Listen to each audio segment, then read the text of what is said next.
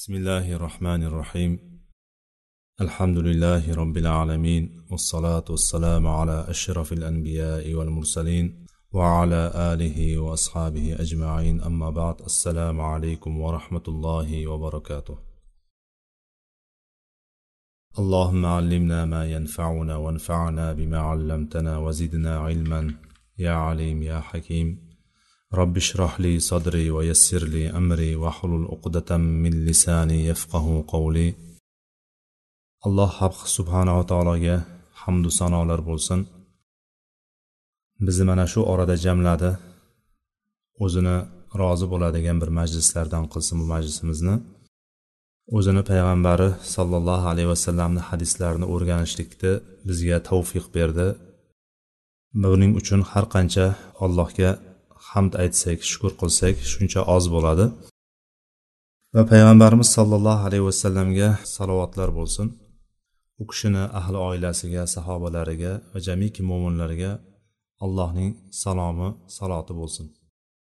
Riyoz solihin kitobidan zulmning haromligi zulmdan qaytarilganligi haqidagi bobda davom etayotgandik. O'shandan bugun inshaalloh shu bobni tugatishlikka harakat qilamiz uchta to'rtta hadis qolgan kitobimizdan ikki yuz yigirma ikkinchi hadisga kelib to'xtagan ekanmiz وعن أبي هريرة رضي الله عنه أن رسول الله صلى الله عليه وسلم قال أتدرون من المفلس قالوا المفلس فينا من لا درهم له ولا متاع فقال إن المفلس من أمتي من يأتي يوم القيامة بصلاة وصيام وزكاة.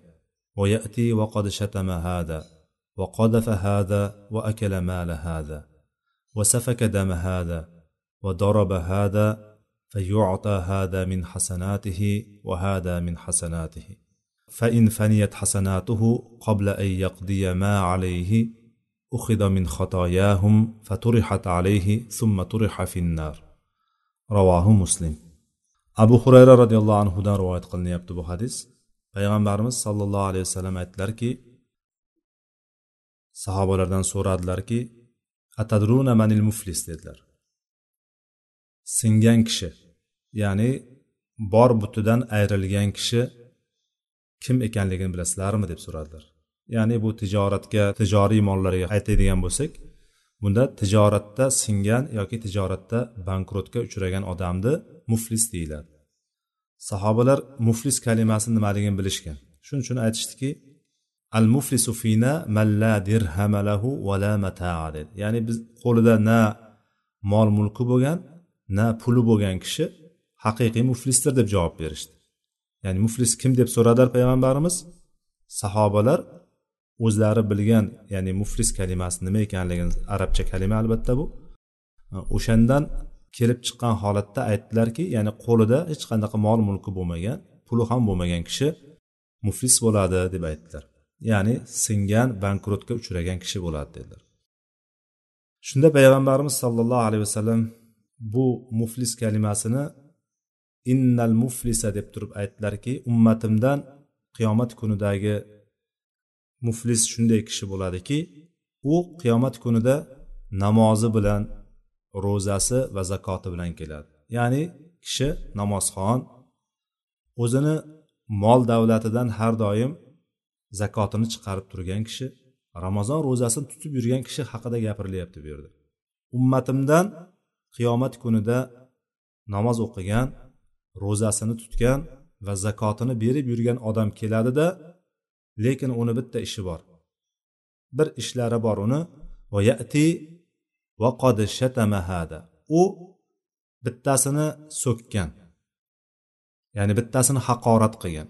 Va qodafa hada nomusni toptangan degan haqda kimgadir ayb qo'ygan. Benomuslik bilan ayblagan ya'ni bilmagan holatda qasddan o'shanga kimnidir o'sha ayb bilan ayblagan. Qodafa degani zino bilan ayblagan degan. Va kimnidir molini nohaq yegan. Va akala mala hada. Kimnidir molini nohaq yegan va kimnidir qonini to'kkan va kimnidir urgan dedi. Mana shunday holatda keladi. Ya'ni bunday qaraydigan bo'lsak bu yerda zulmni bir nechta ko'rinishini payg'ambarimiz sollallohu alayhi vasallam sanab o'tdilar bu yerda. So'kkan urgan haqorat qilgan kimgadir tuhmatlar qilgan kimlargadir kimlardir molini yegan qonini to'kkan urgan mana shu hammasini aytib o'tganlaridan keyin aytdilarki min hasanatihi. Mana bunga uning hasanatidan olib beriladi. Ya'ni kimnidir so'kkan bo'lsa haqorat qilgan bo'lsa o'shanga uning hasanatidan yaxshiliklaridan ya'ni savob amallaridan olinadida unga beriladi. Bunisiga beriladi unisiga beriladi. Oxir oqibatda hali o'rtadagi haq huquqlar o'zaro hukm qilib bo'linmagan lekin buning yaxshiliklari tugab qoldi bu odamni ana o'shandan keyin narigi kishilardan ya'ni zulm ko'rgan kishilardan xoh uni haqorat eshitib bo'lgan bo'lishi mumkin xoh tuhmat eshitib bo'lishi mumkin xoh obro'sini to'kkanlik bilan bo'lsin. Qanday yo'l bilan bo'lsa ham o'sha haqdorlar keladida undan oladigan savoblari qolmagandan keyin bularning xatolari ya'ni bularning gunohlari unga tashlanadi. Uni ustiga tashlanadi va oxir oqibat boyagi kishida hech qanaqa savob qolmagan va bularni ham gunohini o'zini gunohi yetmagandek ularni ham gunohini ustiga ortgandan keyin summa turiha finnar do'zaxga tashlab yuboriladi do'zaxga olib kirib ketib qoladi bu gunohlar. Bu imom muslimning sahihlarida kelgan hadis. Albatta bobimiz ya'ni kitobimizning bo'limi zulm zulmning haromligi haqida gapirilgan bo'lganligi uchun imom navoiy bu hadisni bu o'ringa qo'ydi. Bu hadisni oldin ham eshitganmiz. Ya'ni haqiqiy oxiratdagi bankrotga uchragan oxiratda qo'lda hech narsasi qolmagan kishi haqida payg'ambarimiz sollallohu alayhi vasallam bizga xabar beryaptilar. Muflis kim deganda muflis mana iflos bo'pti deb aytiladi. Bizda iflos bo'pti deydigan bo'lsa bir joyda iflos kalimasi kir bo'lgan degan ma'noga ishlatiladi. Iflos bo'pti desa bir joyga kir bo'pti ekan buni yuvish kerak ekan degan narsa tushuniladi. Lekin aslida iflos aflasa yuflisu iflas muflis degani mana turklar o'shani iflos bo'libdi deb aytadigan bo'lsa palonchi firmasi iflos bo'libdi deydigan bo'lsa bankrotga uchrabdi ma'nosini olishgan turklarda ayni arabchada qanday bo'ladigan bo'lsa xuddi shunday o'rinda qo'llanadi.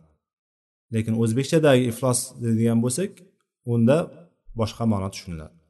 Shundan bilaylikki mana muflis degani o'sha iflos kalimasidan chiqqan. Iflos bo'pti degani bu. Bunaqa qilib aytadigan bo'lsak iflos bo'lgan. Iflos bo'lgan degani bankrotga uchragan degan tijorati singan degan sahobalar buni tushunganligi uchun uni hech qanaqa mol mulkiyu dirhami ham qolmagan odam deb turib gapirganda payg'ambarimiz sollallohu alayhi vasallam ularni fikrini haqiqiy muflis odam mana shunday bo'ladi deb turib qiyomatdagi bir holatni bizga bayon qildilar va zulmni bir qancha ko'rinishlarini bizga ta'rif etdilar. Ya'ni zulmda bundan ko'rinadiki zulmni har qanday turi harom ekanligi va alloh taolo shuning uchun aytgandiki men o'zimning nafsimga zulm qilishlikni harom qildim va bandalarimni orasida ham harom qildim. Shunday ekan bir birlaringga zulm qilmanglar degandi alloh taolo. Zulm qiyomat kunidagi zulmot bo'lishligi haqida ham gapirgandik. Mana qiyomat kunidagi zulmat qanday bo'lar ekan? Inson namozi bilan keladi. Bu benamoz odam haqida gapirmayapmiz biz hozir. Namozxon odam.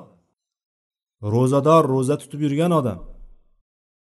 Molini yashirib u yoqdan bu yoqdan bir amallab turib zakotini bir chekkasini chiqarib yoki ozgina sadaqa berib qo'yib turib xalqqa bir osh berib qo'yib turib qutulib ketgan odam emas bu. Bu odam zakotini vaqtida berib yurgan odam. Lekin buni sifatlarini qarang bu zolim inson.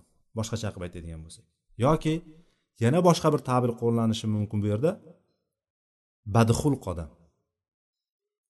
Badxulq odam. Ya'ni turib kimgadir zulm qilishligi kerak u. Kimgadir qo'pol muomala qilishligi kerak kimnidir haqorat qilishligi kerak kimnidir dilini ranjitishligi kerak. Bo'lmasam tinch yura olmaydi u. Kimnidir urushib turish kerak kimnidir urib turishligi kerak. Jahlini o'zini ichidagi g'azabini atrofga sochib turishligi kerak. Bo'lmasam tinch yura olmaydi. Yo bo'lmasam kimnidir g'iybat qilib turishligi kerak tinimsiz. Yo bo'lmasam ikkita birodarni o'rtasida chaqimchilik qilib turib ularni o'rtasini buzishligi kerak. Bo'lmasam xotirjam bo'lmaydi uni. Qalbi xotirjam bo'lmaydi. Shuning uchun bu yoqda namoz o'qisin ro'za tutsin zakotini bergan bo'lsin lekin qiyomat kunida kelganda buni ro'zasi ham zakoti ham namozi ham foyda bermay qoladi ekan mana bu hadis bunga dalil bo'ladi. Shuning uchun biz bu dunyoda o'zimizni to'g'irlashlikka harakat qilishligimiz kerak. O'zimizni to'g'irlashga harakat qilishligimiz kerak. Qachon biz o'zimizni to'g'irlaymiz xulqimizni to'g'irlaymiz odamlarga zararimiz qachon tegmaydi ana o'shanda biz haqiqiy musulmon bo'lamiz ana o'shanda biz do'zaxdan qutulib qolishligimiz mumkin. O'tgan darslarimizda ham aytgandikki boya hadisni al muslimu man salimal muslimuna min yadihi va lisanihi. Min lisanihi va yadihi. Musulmon kishi haqiqiy musulmon kishi kim edi? Musulmonlar omma musulmonlar uni tilidanu qo'lidan bir ozor ko'rmagan undan zarar ko'rmagan kishi haqiqiy musulmon edi. Demak zarar ko'radigan bo'lsa nimalarga olib kelar ekan? Mana bu oqibat.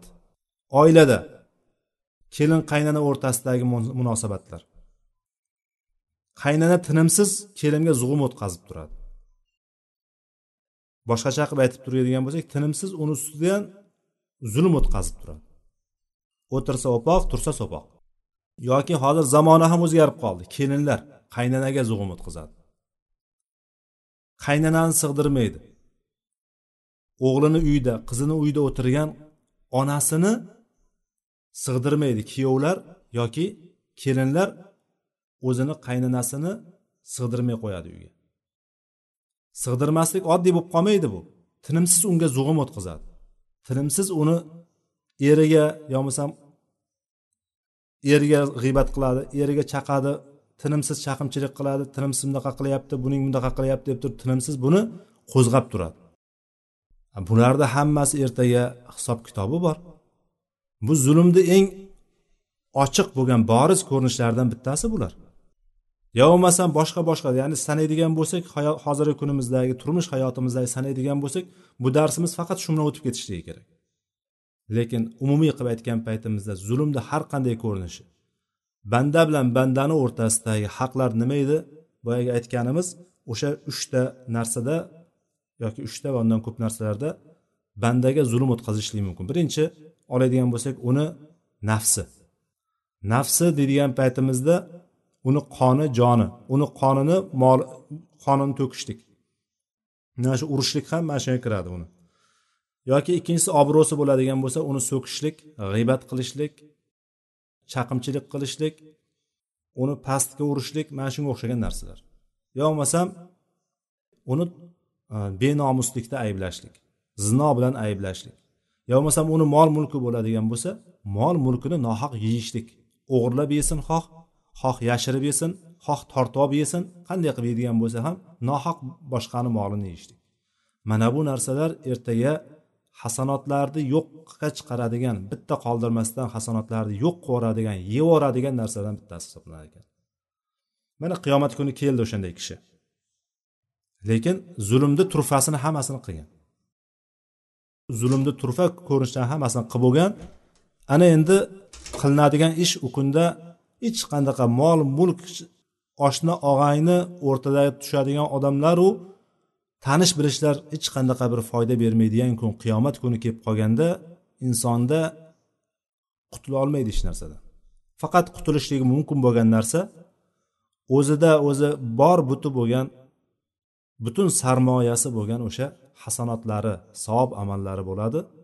O'shandan berishlikka majbur bo'ladi chunki u kunda faqat adolat bilan hukm qilinadi. Hech kim hech kimdan bir narsani yashirib qololmaydi chunki hamma narsa o'zimizni qarshimizda turgan bo'ladi. Hech narsani yashirib qololmaymiz. Kimgadir qachondir ustidan g'iybat qilib qo'yib tuhmat qilib qo'yib turib yo bo'lmasam ba'zi aytmagan gaplarni aytdi deb turib o'rtalarni buzib yuborgan kishilar agar shu dunyoni o'zida bu narsalar uchun rozi rizolik olmaydigan bo'lsa ertaga buni oqibatini qiyomatda albatta ko'radi. Birodarlarni o'rtasini buzib yuborishlik. Qaynona kelin o'rtasidagi o'rtasida buzishliklar. Yo bo'lmasam er xotin o'rtasidagi farzandlar o'rtasidagi xullas qanday bo'lgan taqdirda ham ertaga hammamiz kelamiz lekin yonimizda faqatgina shu dunyoda qilib qolgan ozgina savobimiz bo'ladi. Ana o'shanda kim agar shu dunyoda mana shunaqa badxulq xulqlar bilan xulqlangan insonlarga tinimsiz zulm qilgan bo'lsa savoblardan bitta bitta bitta har kishi o'zini haqqini olib ketaveradi. Hamma o'zini haqqini olib bo'lgandan keyin hatto hasanotlar savoblar tugab ketib bo'lgandan keyin nima qilinadi endi? Endi boyagi kishilarni gunohlari bunga yuklanadi va do'zaxga tushib ketib qoladi. Bundan alloh taolo hammamizni saqlasin. Shu dunyoni o'zida biz ko'zimiz ochilishligini alloh taolo e, alloh taoloni yoniga hech kimga zulm qilmagan holatda yo'liqishligimizni alloh taolo hammamizga nasib qilsin o'zi tavfiq bersin. Undan keyingi hadis. عن أم سلمة رضي الله عنها أن رسول الله صلى الله عليه وسلم قال إنما أنا بشر وإنكم تختصمون إلي ولعل بعضكم أن يكون ألحن بحجته من بعض فأقضي له بنحو ما أسمع.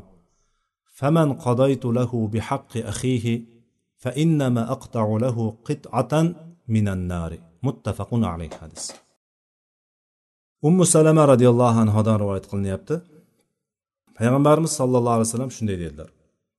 Men ham bir basharman dedi. Ya'ni bashar degani insonman. Men ham bir sizlarga o'xshagan insonman.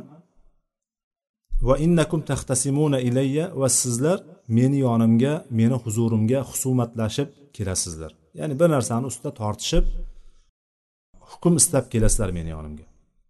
Va sizlardan ba'zilaringiz boshqalarga qaraganda o'zini dalilini tushuntirib bera oladigan chiroyli qilib aytib bera oladigan bo'ladi. Ya'ni o'zini e, so'zamonligidan so'zamolligidan so'zga ustaligidan u chiroyli qilib aytib bera oladigan bayon qilib bera oladigan kishilar bo'ladi. Va men ham deyaptilar faqdilahu binahfi ma asmau. Men ham eshitgan narsamga ko'ra hukm qilaman dedilar. Eshitgan narsam bilan hukm qilaman. Kimdir butun dalillarini keltirib hamma o'zini foydasiga bo'lgan narsalarni hammasini keltirib chiroyli qilib aytib beradigan bo'lsa ikkinchi tarafdagi odam agar haqli bo'lib turgan taqdirda ham o'zini hujjatini keltira olmasa va bayon qilib bera olmaydigan bo'lsa eshitib turgan odam nima qiladi? Eshitib turgan odam dalillarga tayangan holatda e, hujjatlarni ko'rib turgan holatda bu tarafga agarchi nohaq bo'lib turgan tarafga bo'lsa ham hukm qilib berishlikka majbur bo'ladi chunki biz bashar. Ya'ni biz bashar bo'lganligimiz uchun biz ham inson bo'lganligimiz uchun deyapti. Payg'ambarimiz alayhi men ham insonman. Mana shunga ko'ra men hukm qilib qo'yaman dedilar. Va lekin orqasida aytdilarki bum bilan bitta narsani aytib qo'ydilarki insonlar mana shunga qarab turib ko'zlarini ochsinlar. Faman lahu bihaqqi axihi agar kimgadir men birodarini haqqini birodarini haqqini olib bergan bo'lsam o'shan bilan olib berishlik bilan hukm qilgan bo'lsam albatta men dedilar unga bir do'zaxdan bir parchani olib bergan bo'libman dedilar. O'shanga bir parchani olib bergan bo'laman dedilar. Ya'ni bu hadis insonni qo'rqitadigan bir tarafi bor. Chunki insonni hammasi biladi o'zini nohaq ekanligini. Agarchi ba'zi bir e, ma'naviy narsalarda bo'ladigan bo'lsa ham er xotin masalalarida masalan olaylik er xotin masalalarida ham o'zini nohaq taraflarini juda yaxshi biladi. Bir kishiga boradi qoziga boradi hukm qilishlik uchun. Er ham o'zini xatosini biladi xotin ham o'zini xatosini biladi lekin o'sha o'rinda ikkalasi ham oq bo'lib chiqib ketishlikni xohlaydi va hukmni o'ziniki bo'lishligini xohlaydi. Va hukmni o'ziniki bo'lishligini o'sha mahkamadan shar'iy mahkamadan qozini huzuridan yutib chiqib ketishlikni xohlaydi ikkalasi ham lekin vaholanki ikkalasi ham bilib turadi o'shani o'zini kamchiliklarini o'zini xatolarini. Borib eshitadigan bo'lsangiz o'sha o'rinda agar siz ham eshitib o'tiradigan bo'lsangiz bulardagi narsani tushunmaysiz. Ikkalasi ham ikki tarafdan boshqa narsalarni gapiradi. Mana bu holatda inson eshitgan narsasiga ko'ra hukm qilishlikka majbur. Kimdir chiroyli qilib turib o'zini butun dardini aytib bera olishligi mumkin ikkinchisi umuman aytolmay qolishligi mumkin. Payg'ambarki sollallohu alayhi vasallam men ham basharman. Sizlar meni yonimga husumatlashib keladigan bo'lsa kimdir chiroyli qilib aytib berib o'zini hujjatlarini bayon qilib beradigan bo'lsa o'sha eshitganimga qarab turib hukm qilib qo'yishligi mumkin dedilar. Endi qolgan kishilarni umuman gapirmasa ham bo'laveradi. Mana shundan ko'rinadiki biz inson biz insonlar shariat doirasida hukm qilamiz lekin shariat doirasida hukm qildi degani qozilik qildi degani bu xato qilib qo'ymaydi bu. Albatta har doim haqiqatni haqdorlarga olib beradi degani emas bu. Bu insonlarni qilayotgan ishlariga aytib berayotgan keltirayotgan dalillariga o'sha yerdagi guvohlarga qarab turib hukm chiqarishlikka majbur. Bu degani shariat nohaq yo'l bilan hukm qilyapti deyilmaydi bu. Bu nohaq hukm qildi demaydi buni. Chunki bu dalillarga qarayapti. Aytayotgan narsalarga qarayapti. Kerak bo'lsa guvohlarni olib kelayotgan bo'lsa guvohlarga qarayapti u. O'shan bilan hukm qilyapti bu. Ichini yorib turib ko'rolmaydi. Hatto payg'ambar sallallohu alayhi vasallam ham ko'rolmaganlar ichini.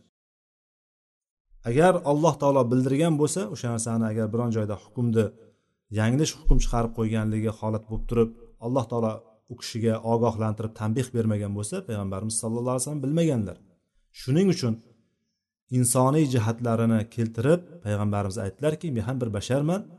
Agar sizlardan bittalaring chiroyli qilib dalillarini bayon qilib beradigan bo'lsa eshitganga qarab turib hukm qilib mana shu hukmni natijasida bir birodarini haqqini olib bergan bo'lsam boshqasiga unga do'zaxdan bir parchasini olib bergan bo'laman dedilar. Ya'ni odamlarni mana shunday qilib tahdid qilib qo'ydilar. Odamlar haqlarini kelib turib davo qilayotgan paytda mana shunday yo'l qo'ymasin mana shunday ertaga do'zaxni o'zini olovini o'ziga olib ketayotganligini do'zaxni bir parchasini olayotganligini bilsinlar deb turib payg'ambarimiz sallallohu alayhi vasallam bu tarafdan odamlarga o'rgatib ketdilar. Chunki hamma o'zini oqlashga harakat qiladi. Shunda eng bir nuqta bo'lishi kerakki fala tuzakku anfusaku o'zlaringni oqlamay qo'ya qolinglar. Oqlash kerak emas hech qachon siz to'g'rimisiz? Huva a'lamu biman ittaqo alloh taolo o'zi taqvodor kishi kim ekanligini o'zi haq kishi kim ekanligini o'zi yaxshi biladi. Siz o'zingizni oqlayman deysizda o'zingizni xatoyingizni yopgan holatda boshqani xatosini ochishlikka harakat qilasiz. O'zizni oqlashlik mana shu bo'ladi. O'zingizdagi men to'g'riman deysizda boshqani boshqa taraflarini sanab ketaverasiz. Aslida ochilmaydigan narsalar ham o'rtada ochilib ketib qoladi shunda xosatan er xotin masalalarida. Bu narsalardan uzoq turishlik kerak bo'ladi. Nohaq mol yeyishlikni ham mana hatto shu qozilarga borib turib insonlar nohaq mol yeb qo'yadigan bo'lsa mana shuni oqibati nima ekanligini payg'ambarimiz sollallohu alayhi vasallam do'zax deb aytdilar. Insonlarni o'zlarini dalillarini hatto guvohlarni olib kelib turib o'sha mahkamalarda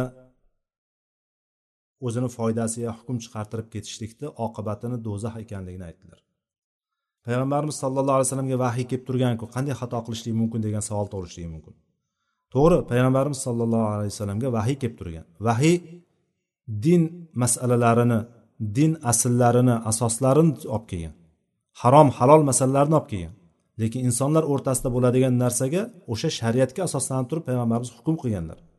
Abu dovudni rivoyatlarida keladiki payg'ambarimiz sallallohu alayhi vasallam aytadiki men vahiy kelmagan bir xususlarda vahiy kelmagan bir narsalarda o'zimni ra'yim bilan o'zimni fikrim bilan hukm qilaman men dedilar vahiy kelmagan narsalarda meni o'zimni fikrim o'zimni ra'yim bilan hukm qilaman dedilar payg'ambarimiz. Ya'ni payg'ambarimiz sollallohu alayhi vasallamga din mukammal kelgandi. Shariat halol harom narsa vahiy bilan kelgandi. Endi insonlar o'rtasida hukmlar o'sha asoslarga ko'ra bo'lgan va bu asoslarda xatolarga yo'l qo'yib qo'yishligi mumkin. Ya'ni bu shar'an xato hisoblanmaydi aslida. Chunki insonni daliliga qarayapsiz hujjatiga qarayapsiz masalani atroflicha o'rganyapsiz va qolaversa shohidlar ham bor edi. Ya'ni guvohlar ham bor. O'sha guvohlarga qarab turib bir kishi sen haq seniki ekan deb turib bunga haqqini olib berilyapti. Mana bu haq olib berilgan kishi balki yolg'on shohidlarni yolg'on guvohlarni olib kelgan bo'lishi mumkin.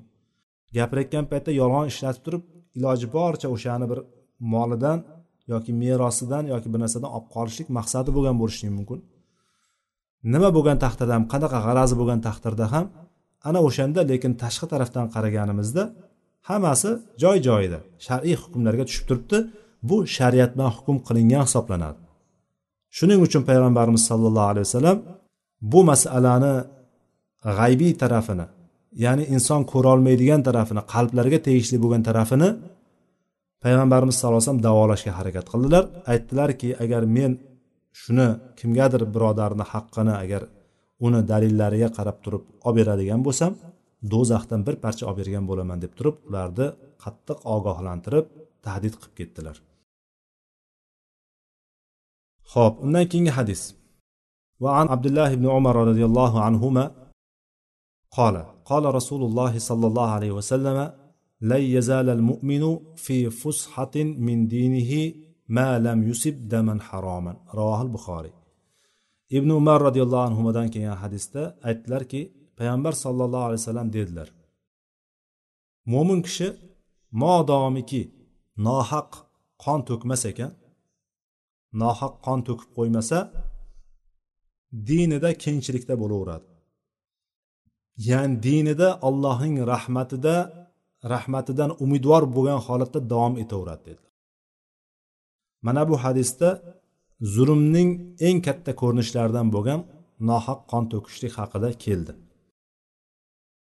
Modomiki deb kelyapti bu yerda. Malam yusib modomiki deb turib kelyapti.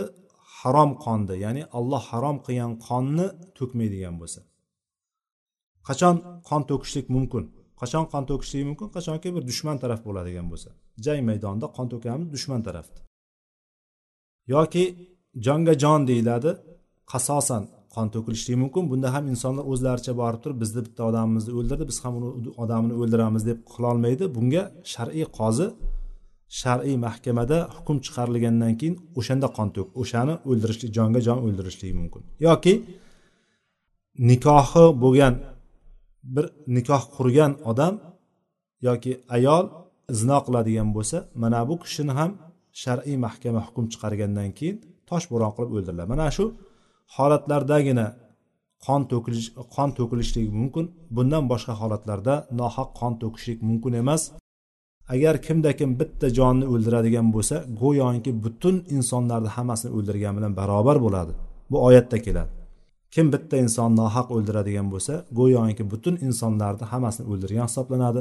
Kim bitta insonga agar jon bag'ish etadigan bo'lsa ya'ni o'ldirmaydigan bo'lsa go'yoki butun insonlarga hayot bag'ish etgandek ularga hayotini qaytarib bergandek bo'ladi ularni. Jonini saqlab qolgandek bo'ladi deb keladi. Mana bu yerda ham agar qon to'kmagan bo'lsa allohni dinida umidvor bo'lsa bo'laveradi. Allohning rahmatidan umidvor bo'lsa bo'laveradi. Deb keladi. Umidvorlikda davom etaveradi deb keladi. Ya'ni bu umidni kesilishligi allohni rahmatini umidni kesilishligiga olib boradigan narsalar nima ekanligini ko'rsatyapti bu yerda. Chunki aslida o'zi allohni rahmatidan umid kesilmaydi hech qachon. Allohni rahmatidan faqatgina kofir bo'lgan inkor qilgan kimsalargina noumid bo'ladi xuddi shayton kabi. Shayton ham abadiy iblis degani allohni rahmatidan noumid bo'lgan noumid qilingan ikkala ma'no ham tushadi. U noumid bo'ldi u noumid qilindi. Va qiyomatgacha shunday qoldi va qiyomatdan keyin abadiy do'zaxda qoladi u shayton. Insonlarni ichida ham kofir bo'lganlargina allohni allohga ishonmaganlargina allohni rahmatidan noumid bo'ladi. Endi umidni uzilishlikka sabab bo'ladigan gunohlar deganimizda mana shu gunohlardan bittasi shirk. Ikkinchisi nohaq qon to'kishlik bo'lyapti mana bu yerda. Mana shu hadisdan o'rganyapmiz. Alloh taolo hamma gunohlarni kechiradimi? Albatta kechiradi. Alloh taolo gunohlarni kechiruvchi bo'lgan mag'firati keng bo'lgan zot lekin ba'zi bir narsalar borki agar kishi o'lsayu o'sha o'lganida tavba qilmasdan ketib qoladigan bo'lsa ana o'shanda uni joyi jahannamda bo'ladi. oyatda keladiki mana ومن يقتل مؤمنا متعمدا فجزاؤه جهنم خالدا فيها وغضب الله عليه ولعنه وأعد له عذابا عظيما deydi niso surasida kelyapti bu to'qson uchinchi oyat ekan alloh taolo aytadiki kim bir mo'min kishini qasddan nohaq o'ldiradigan bo'lsa uning joyi jahannamdir unda abadiy qoladigan jahannamdir Va g'odiballohi alayhi va alloh taolo unga g'azab qiladi. Va laanahu va uni la'natlaydi va uning uchun buyuk bir azobni hozirlab qo'ygan alloh tayyorlab qo'ygan deydi alloh taolo. Ya'ni ko'ryapmizmi mo'min kishini qasddan o'ldirgan odam nohaq qasddan o'ldirgan odamni jazosi nima ekanligini.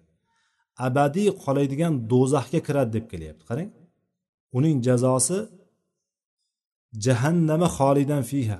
Abadiy qoladigan jahannam deb kelyapti. Abadiy qolishlik qachon ishlatiladi? Abadiy qolishlik bu tavba qilinmasdan qalbida iymoni bo'lmasdan ketgan odamga abadiy qolinadi deydi. Lekin qarang odamni nohaq o'ldirgan mo'min kishi nohaq o'ldirgan kishi do'zaxda abadiy qoladi deyapti. Allohni g'azabiga giriftor bo'ladi la'natlanadi va uning uchun buyuk azob hozirlab qo'yilgan bo'ladi. Mana shundan demak hadisdagi ma'no chiqadiki kim bir nohaq qonni to'kmaydigan bo'lsa allohning dinida umidvor bo'lib ketaveradi deyapti. Umidvor bo'lib yashayveradi allohning rahmatidan deyapti. Rahmatni kesadigan narsalar shu. Endi bu yerda bir savol tug'iladi. Bu katta gunohlar akbarul kabair bo'lgan eng katta gunohlar. Bu gunohlardan tavba qiladigan bo'lsa alloh taolo kechiradimi? degan savol tug'iladi. Ha alloh taolo hamma gunohni kechiradi. Innalloh yag'firu zunuba jamia. Alloh taolo hamma gunohlarni kechiradi. Shartlari bor lekin o'sha shirk keltirgan odam ham shirkidan tavba qiladigan va qaytib umuman qaytmaydigan bo'lsa o'sha ishni qilmaydigan bo'lsa alloh taolo uni kechiradi. Hatto shirkni kechirmaydi deb keladiku oyatda ham. Tavba qilsa kechiradi alloh taolo. Tavba qilmasdan allohni yoniga boradigan bo'lsa kechirmaydi degan narsa chiqadi o'sha oyatlardan. Tavba qilmasdan turib shirk qilgan holatda mushrik holatda allohga yo'liqadigan bo'lsa ana uni alloh taolo kechirmaydi. Bu oyatdagi ham inson agar mo'min kishini agar qasddan o'ldirgan holatda tavba qilmasdan turib alloh huzuriga ketadigan bo'lsa bunga ham mana shunday abadiy qoladigan do'zax bo'ladi. Lekin tavba qiladigan bo'lsachi? Mana oyatda keladiki والذين لا يدعون مع الله إلها آخر ولا يقتلون النفس التي حرم الله إلا بالحق ولا يزنون ومن يفعل ذلك يلقى أثاما. يضاعف له العذاب يوم القيامة ويخلد فيه مهانا إلا من تاب وآمن وعمل عملا صالحا. فرقان سورة kelyapti furqon surasida alloh taolo aytyaptiki shunday bir kishilar haqida gapirilyapti allohning rahmon bandalari allohning sevgan bandalari rahmonning suyukli bandalari deb keladi. Ibadur rahman. Ya'ni rahmonning alloh taoloning suyukli bandalari shunday kishilar deb ta'riflangan joyda o'sha yerda ularni sifatlari aytiladi. Alloh bilan birga bironta bir ilohga iltijo qilmagan sig'inmagan kishi. Alloh bilan birga ya'ni faqat boshqa butga emas allohga ham ibodat qiladida allohni yoniga bittasini qo'yib turib ya'ni allohdan boshqaga ham allohga ham ibodat qiladi allohdan boshqasiga ham ibodat qiladi. Bu ayni shirk mana shu hisoblanadi. Shirk deganimiz mana shu allohni inkor qilmaydi bular. Biz musulmonmiz deydi lekin qabrlarga boradi. Qabrlardan so'raydi. Mana bu allohga qilinadigan ibodatni duoni iltijoni allohdan boshqasiga ham qilishlik degani mana shu hisoblanadi. Shunday qilmaydi bular. Allohning suygan bandalari suyukli bandalari shunday ishlarni qilmaydi. Va harom qilgan jonni alloh taolo harom qilib qo'ygan o'ldirishlikni harom qilgan bir jonni nohaq o'ldirmaydilar bular. Zino ham qilmaydi deb kelyapti. Kim mana shuni qilsaydigan bo'lsa uchta narsa zikr qilinyapti mana shu oyatda. Shirk undan keyingisi nohaq odam o'ldirishlik va uchinchisi zino sanalyapti uchtasi mana shu yerda. Kim mana shuni qiladigan bo'lsa mana shulardan birontasini qiladigan bo'lsa uqubatga duchor bo'ladi. Ya'ni qattiq azobga duchor bo'ladi. Oyati davomida aytyaptiki va qiyomat kuni unga azob bir necha barobar ko'paytirib beriladi. Yudoaf lahul adabu yawmal qiyama va yaxlud fihi muhana. Va u yerda xor bo'lgan holatda abadiy qoladi. Mana shu uchta gunohni qilgan odamni holati zikr qilinyapti ko'ryapmiz. Undan keyingi oyatga qaradigan bo'lsak magar degan joy bor illa degan istisnosi bor. Man taba va amana va amila amalan soliha fa ulaika yubaddilullohu sayyiatihim hasanat va kanallohu g'afurur rahima. Kimda kim tavba qiladigan bo'lsa va iymon keltiradigan bo'lsa va solih amallarni qiladigan bo'lsa uchta narsa sanalyapti. Tavba qilishligi iymon keltirishligi va solih amal qiladigan bo'lsa ana o'shalarni alloh taolo yomonliklarini yaxshiliklarga almashtirib qo'yadi. Sayyiatihim hasanat. Ularni yomonliklarini gunohlarini savoblarga yaxshiliklarga almashtirib qo'yadi.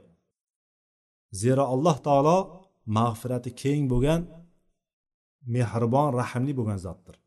Mana shu oyatdan ko'rilyaptiki tavba qilib iymon keltirib solih amal qiladigan bo'lsa alloh taolo bularni gunohlarini kechirishligi lekin tavba qilmagan holatda boradigan bo'lsa ularga do'zaxda abadiy qolishlik bor va qiyomat kunida azobi bir necha barobar orttirib berilishligi borligini bundan oldingi oyatlarda ko'ryapmiz.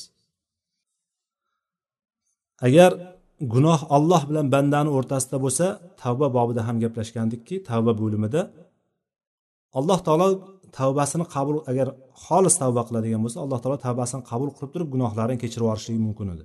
Lekin bu gunoh banda bilan banda o'rtasidagi haq huquqlarga aralashadigan bo'lsa mana shu banda haqlariga aralashib qoladigan bo'lsa unda bandani roziligi ham o'rtaga kirardi. Endi nohaq odam o'ldirishlikda qanaqa haqlar bor? Bunga qaraydigan bo'lsak uchta haq bor bunda. Birinchisi allohga bo'lgan haq allohning haqqi. Ikkinchisi o'ldirilgan odamning haqqi uchinchisi o'ldirilgan odamni qarindoshlarining haqqi bor. Uchta haq bor. Ya'ni e, farzandlarini xotin xotin va farzandlarini haqqi bor. Birinchisi allohni haqqi. Bunga tavba qiladigan bo'lsa iymon keltirib tavba qiladigan bo'lsa alloh taolo buni kechiradi. Ikkinchisi maqtul bo'lgan o'ldirilgan odamni haqqi. Buni qanday haqqini oladi? Chunki bu qanday qilib turib uni roziligini oladi? O'lib o'ldi u. Mana shu haq osilib turaveradi. Mana shu haq osilib turaveradi. Olimlarni o'rtasida bir qancha fikrlar bor bunga. Qiyomatda agar alloh taologa haqiqiy tavba qilib boradigan bo'lsa alloh taolo mana bu yerda uning yomonliklarini yaxshiliklariga almashtirib qo'yadi deganiga ko'ra alloh taolo boyagi maqtulni rozi qiladi deydi. Inson o'zini tahlikaga qo'yishligi kerak emas o'zini ertaga hali shunday bo'ladimikan bo'lmaydimikan degan bir narsa bilan amal qilishlik kerak emasda bundan ehtiyot bo'lishligi kerak. Eng anosi ehtiyot bo'lishlik kerakki chunki bunga alamlantiruvchi azob abadiy qoladigan do'zax va'da qilingan katta gunoh hisoblanadi. Uchinchi haq bo'ladigan bo'lsa farzandlarini va xotinini ya'ni ahlini o'ldirilgan odamning ahlini haqqi bo'ladigan bo'lsa bularga borib turib o'zini topshiradi boyagi. O'ldirgan odam o'zini topshiradi. O'zini topshirgandan keyin ular o'zlaricha bilgandek hukm qiladi. Xohlaganingni qil deb turib topshiradi. Yo bo'lmasam boyagini kechirib yuborishligi mumkin. Bu kamdan kam uchraydigan holat. Kechirib yuborishligi mumkin. Ikkinchisi uni qasos sifatida uni ham o'ldirishligi mumkin. Uni ham o'ldirishlari mumkin. Boya qotilni ham qasosan uni ham o'ldirishlik mumkin. Yoki uni o'rniga bir diya olishligi mumkin. Tovonini olishligi mumkin. Tovoni yuzta tuyaga teng bo'ladigan miqdor. Bu tovonini xoh bir qismini olishligi mumkin. Yoki kerak bo'lsa tovondan oshirib ham olishligi mumkin deyishadi olimlar. Xullas mana shunday. Ya'ni bu narsa bir kishini nohaq o'ldirishlik nima ekanligini bilishlik endi bugungi kundagi fitnalarda qanday ehtiyot bo'lishlik kerak ekanligini bizga ochiq oydin dars berib turibdi u yerda shubhalar bilan o'zimizni ba'zilari kofirga nisbat qilib turib namoz o'qib turib ibodat qilib turib olloh bitta deb turib bo'p ham o'zini ya'ni hech qanday bir e, buzuq e'tiqodlarga kirmaganligi ma'lum bo'lib turgan odamlarni kofir deb turib ularni o'ldirib moli jonini o'zlariga halol qilib olib turib xotin bola chaqasini asr qilishlik degan narsaga endi insonni hech ham bir to'g'ri keladigan mo'min kishi qabul qila oladigan narsa emas. Bu narsa shunga bu narsalarda juda bir ehtiyot bo'lishligi kerak bo'lgan narsalardan bittasi. Xato qilib o'ldirib qo'yishlik haqida bundan o'sha niso surasini hozir aytgan oyatdan bitta oldingi oyatda xato qilib o'ldirib qo'yadigan bo'lsa uchta uchga bo'lingan holatda zikr qilinadi o'sha yerda tafsilotan zikr qilinadi. Bu narsani qur'onda ochib turib o'sha niso surasini to'qson ikkinchi to'qson uchinchi oyatlarini ochib o'qib bir eslab oladigan bo'lsak o'sha yerda xato qilib o'ldirib qo'yilgan mo'min kishini holati qanaqa qasddan o'ldirilganligi qanaqa ekanligi batafsil bayon qilingan. Man qasddan o'ldirilganligida nima bo'lishligini hozirgi oyatlarda biz aytib o'tdik lekin xato qilib o'ldirib qo'ygan kishida ham hattoki xato qilib o'ldirib qo'ydi ha bo'ldi ketdi u. Kofirlarni safida edi u. Men kofir deb o'ldirib yuboribman qarasam mo'min ekan a bo'pti bu ham kofirlar ishlaydi bu ham kofir deyilmayapti o'sha yerda. Xato qilib o'ldirib qo'yganlarni ichida kofirlarni ichida bo'lsa u mo'min bo'ladigan bo'lsa buning jazosi shunday bo'ladi deb turib o'ldirgan odamga jazo qo'yyapti alloh taolo. Mana bu narsalarga demak biz e, nohaq qon to'kib qo'yishlikdan ehtiyot bo'lishimiz kerak bo'ladigan bu ham hozirgi kunda eng ehtiyojimiz katta bo'lgan narsalardan bittasi. Va bobning oxirgi hadisiga keldik. Va an havla binti amiril ansoriy va hiya imroatun va hiya imroatu hamzata roziyallohu anhu وعنها قالت سمعت رسول الله صلى الله عليه وسلم يقول إن رجالا يتخوضون في مال الله بغير حق فلهم النار يوم القيامة رواه البخاري imom buxoriyni hadislarida imom buxoriyni hadis kitoblarida chiqarilgan hadis havla binti amir ansoriydan kelyapti havla binti amir bu hamza roziyallohu anhuning ayollari bo'lgan kishi. Bu kishi aytyaptilarki rasululloh sollallohu alayhi vasallamni shunday deyayotganlarini men eshitganman deb aytib beryapti. Shak shubha yo'qki shunday insonlar borki allohning molida qo'llangan ya'ni nohaq qo'llangan shunday bir kimsalar borki ana ularga qiyomat kunida do'zax bordir dedilar. U kunda ularga jahannam bo'ladi deb turib keldi. Allohning molidan nohaq yo'llarda tasarruf qilgan nohaq yo'llarda ishlatgan nohaq yo'llarda qo'llangan kishilar bo'ladi. Ana o'shalarga do'zax bordir deb keldi. Yana bu ham oldingi darslarimizga bir e, shu e, zulmdagi ommaga tegishli bo'lgan ommani mulkiga tegishli bo'lgan xalqni e, mulkiga tegishli bo'lgan ba'zi bir hukmlar bu yerda ham zikr qilinyapti. Mana shu yerda malillah deb kelyapti bu yerda. Allohning molida nohaq yo'llarga sarflagan nohaq yo'l bilan ishlatgan odam deb kelyapti bu yerda. Allohning moliga nimalar keladi? Allohning molini boshqacha qilib aytadigan bo'lsak baytul mol deymiz. Yoki allohni moli deganimizda umumiy aytganda musulmonlarga tegishli bo'lgan mol. Butun musulmonlarni hammasini budjeti hammasini bir molini baytul mol deyiladi yoki allohning moli deyiladi. Buni ichiga zakotlar kiradi xarojlar kiradi jizyalar g'animat o'ljalar va shunga o'xshagan narsalar kiradi. Hozirgi kundagi holatga olib hisoblaydigan aytadigan bo'lsak agar bir davlat musulmon davlati bo'ladigan bo'lsa musulmon davlatini xazinasi bo'ladi o'zini. Xazinasi o'sha xazinadan bolalarni bolalar puli beriladi yoki o'sha oyliklar shundan beriladi pensiyalar shundan beriladi yo'ldagi xarajatlar yoki hamma narsalar mana shunga beriladigan bir xazinani mana shu ollohni moli hisoblanadi. Hozirgi kundagi narsa. Ya'ni bir islom davlati bo'ladigan bo'lsa o'sha islom davlatini byudjeti qo'lidagi xazinasi ollohni moli hisoblanadi.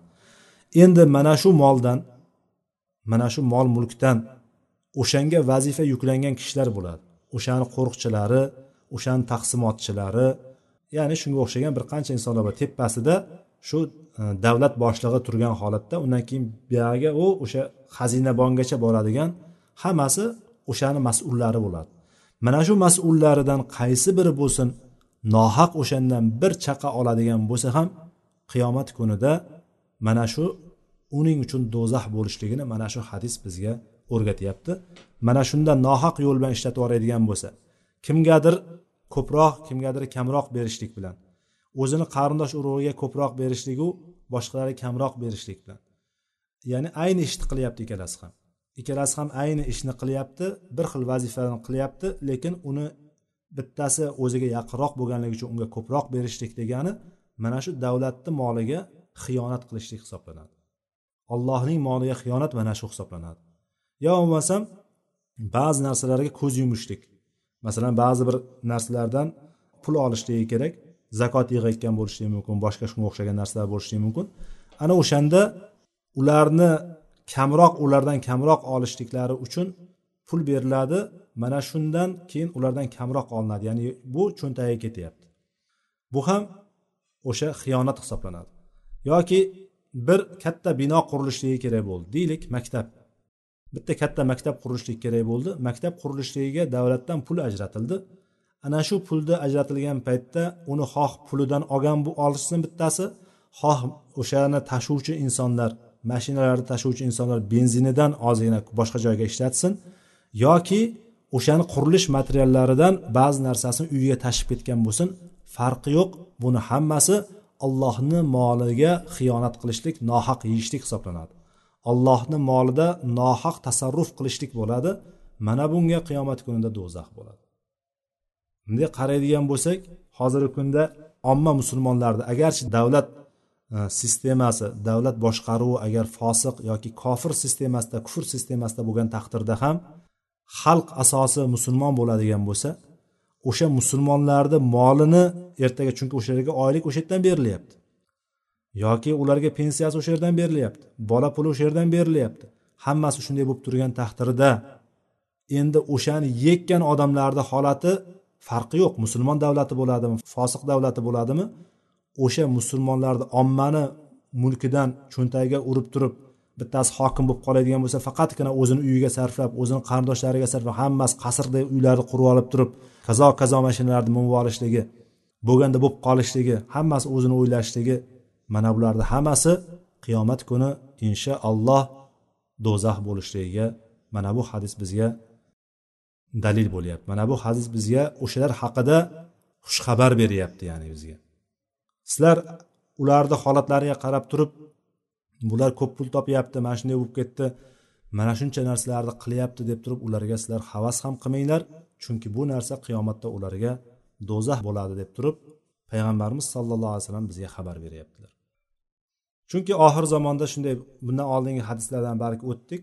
Insonlar molini ya'ni mol mulkini kasbini qayerdan kelayotganligiga qaramay qo'yishadi deb keladi. Qaramay qo'yadi. Haqiqatdan qiyomatni bir alomatlaridan insonlar pulni qayerdan topayotganligiga hech ahamiyat bermaydi. Pul topsa bo'ldi boshqasiga umuman qaramaydi. U harom bilan topib kelyaptimi halol bilan topib kelyaptimi hech kimni qiziqtirmay qolgan. Bunday omma insonlarga qarab gapirilyapti omma insonlarni qarang farqi yo'q u qayerdan topib kelyapti u pulni? Davlat berayotgan oylik o'zimizdagi oylikni oladigan bo'lsak uyini bir qismiga ham yoki bir qop unga ham yetmaydigan oylik beradi lekin jaraq jaraq pul topib kelyapti. U qayerdan topib kelyapti? U harom yo'l bilan topib kelyapti. Qayerdan topardi? Odamlardan pora olyapti tinimsiz borib turib fermerini borib turib siqyapti. Undan pul olyapti. Bundan olyapti bunisi bo'lyapti. Ya'ni bunday qaraydigan bo'lsangiz hamma tomonda insonlarga pul topyapti lekin pul topyaptimi topyapti bo'lib qoldida. Odamlar o'shangagina qaraydi. E palonchini qarang paloncha uy qurib yuboribdi pistonda qo'yib uyini dang'illama uy quribdi yashashini qarang jaraq jarah pul topyapti. Mashina oldi bular. Yana mashinani ustiga mashina oldi. To'yiga palonchi xonandani olib keldi deb turib ham otarchini olib keldi deb turib ham maqtanishadi ham qoldi. Odamlar faqat o'shanga qaraydigan bo'lib qoldi. Odamlar e pulni qayerdan topib kelyapti? demayapti uni e bu hali namozxon ham emas benamozku bu. Yo bo'lmasam qara buni umuman din, din diyonatdan umuman uzoq odamku bu demayapti odamlar. Odamlar puliga qarayapti. Pul topyaptimi? Tamom. Pul qayerdan kelyapti? Farqi yo'q qoldi. Bizni xossatan bizni o'lkamizda bo'layotgan holatlarga qaraydigan bo'lsak insonni qalbi yig'laydi. Ko'z emas qalb yig'laydi inson insonlar mana shunaqa jaholat botqog'iga botib ketib qoldi. Alloh taolo bizni xalqimizga ham ota bobolarimizda bo'lgan mana shu ilmni farosatni dinga bo'lgan xizmatni alloh taolo qaytarib bersin. Alloh taolo butun musulmonlarga o'zini izzatini qaytarib bersin. Alloh taolo bu o'qiyotgan darslarimizni manfaatli ilmlardan barakali ilmlardan qilsin. Va axiru davana alhamdulillahi robbil alamin. سبحانك اللهم وبحمدك أشهد أن لا إله إلا أنت أستغفرك وأتوب إليك والسلام عليكم ورحمة الله وبركاته